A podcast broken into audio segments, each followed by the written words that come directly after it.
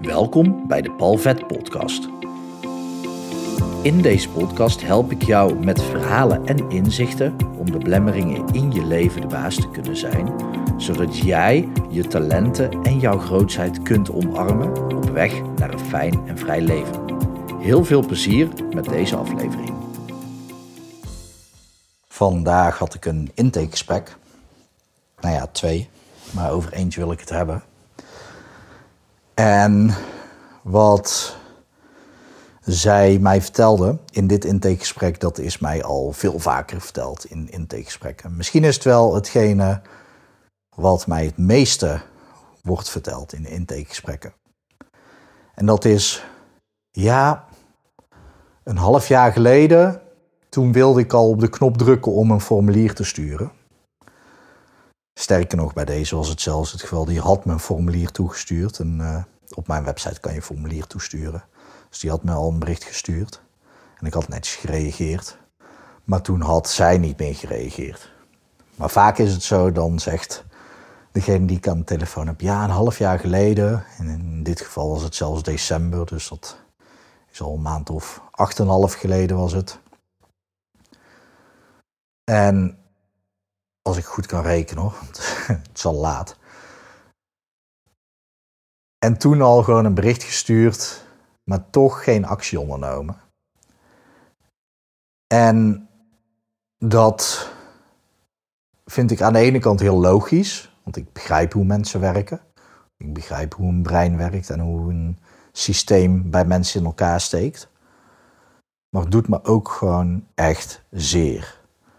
Want ik weet dat van de mensen die mij wel een formulier sturen, zijn er waarschijnlijk ook tien mensen die me niet een formulier sturen. Die me geen bericht sturen.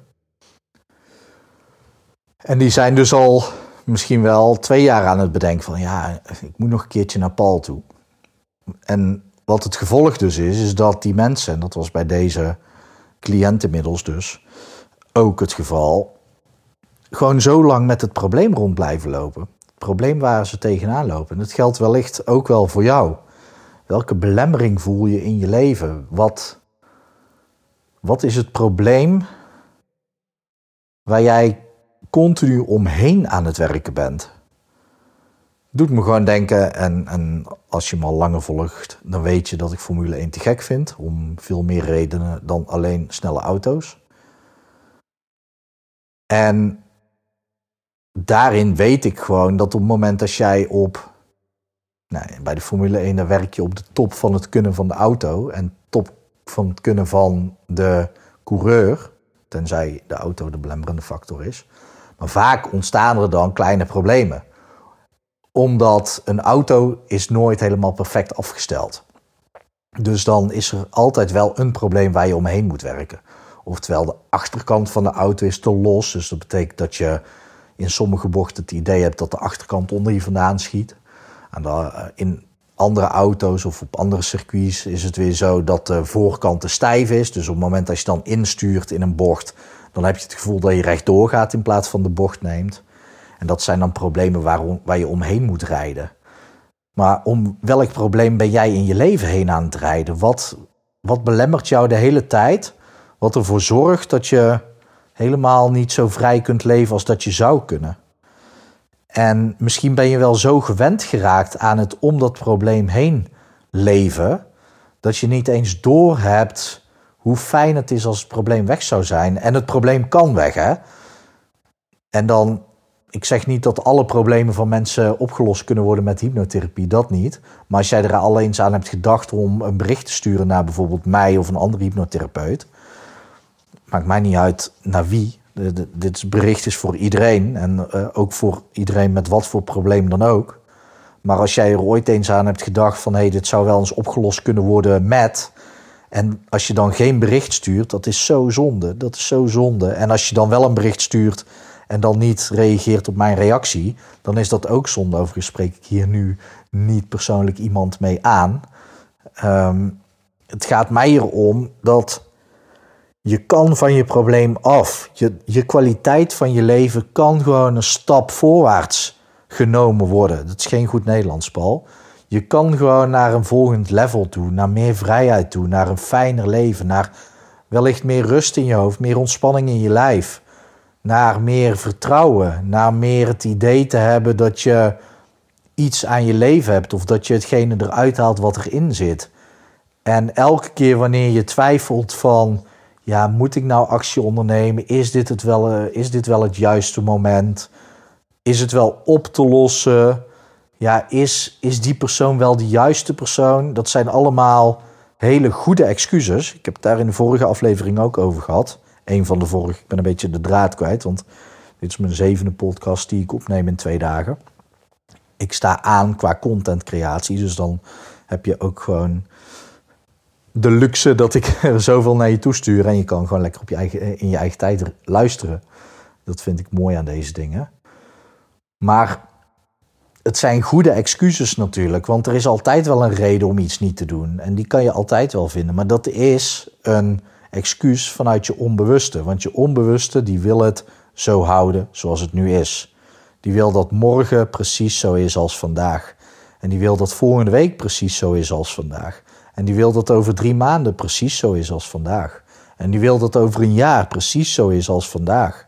En die wil dat het over vijf jaar nog steeds precies is zoals vandaag. Maar de vraag is, wil jij dat wel?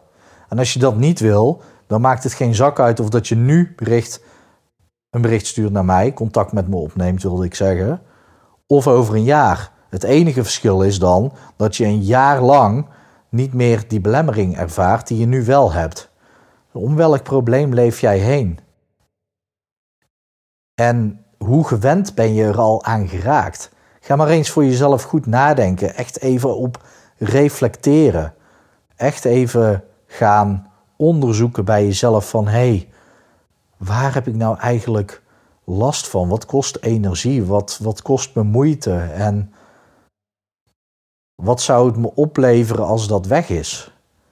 En onderneem dan meteen actie. Echt nogmaals, het, raakt me oprecht. Het, het raakt me als ik dan zo iemand hoor die nou, als iemand bijvoorbeeld in angst leeft, dan heeft diegene dus, als dat in dit geval het geval is geweest, gewoon elke dag al 8,5 maand lang angst.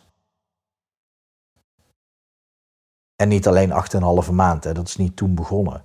Dus al die tijd al. Maar dan eindelijk denken: oké, nu ga ik contact opnemen en dan daar niks mee doen. En, en dat, dit is vandaag dan één voorbeeld. Hè? En zo heb ik. Ik heb elke week wel een intakegesprek met iemand die dat zegt. Ja, een half jaar geleden, ja, vijf maanden geleden, ja, toen. Onderneem actie voor jezelf. Je bent het waard om in jezelf te investeren. Niet alleen fysiek, maar juist ook mentaal. Ik haal deze metafoor zo vaak aan. Maar je gaat twee keer per jaar met de auto voor een beurt naar de garage. Je sport waarschijnlijk elke week wel een paar keer. En misschien doe je ook wel elke week iets aan mindset.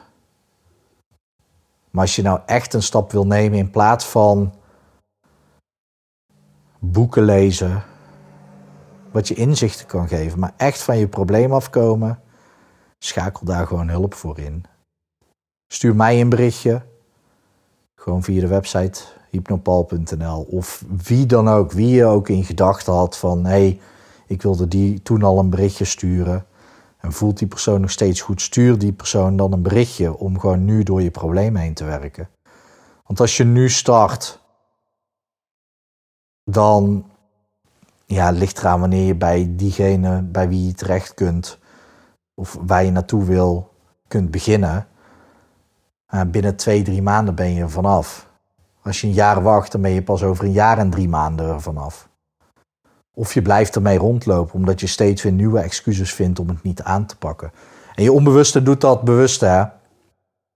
Dit is een hele gekke zin. Maar je onbewuste doet dat bewust met opzet dus, bedoel ik. Je onbewuste die wil het zo houden zoals het is.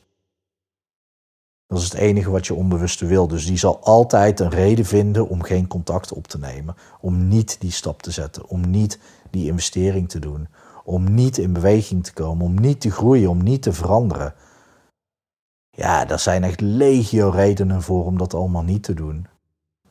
Wat is de reden voor jou, voor jouzelf, om het wel te doen. Om wel die stap te zetten. Om wel aan de slag te gaan.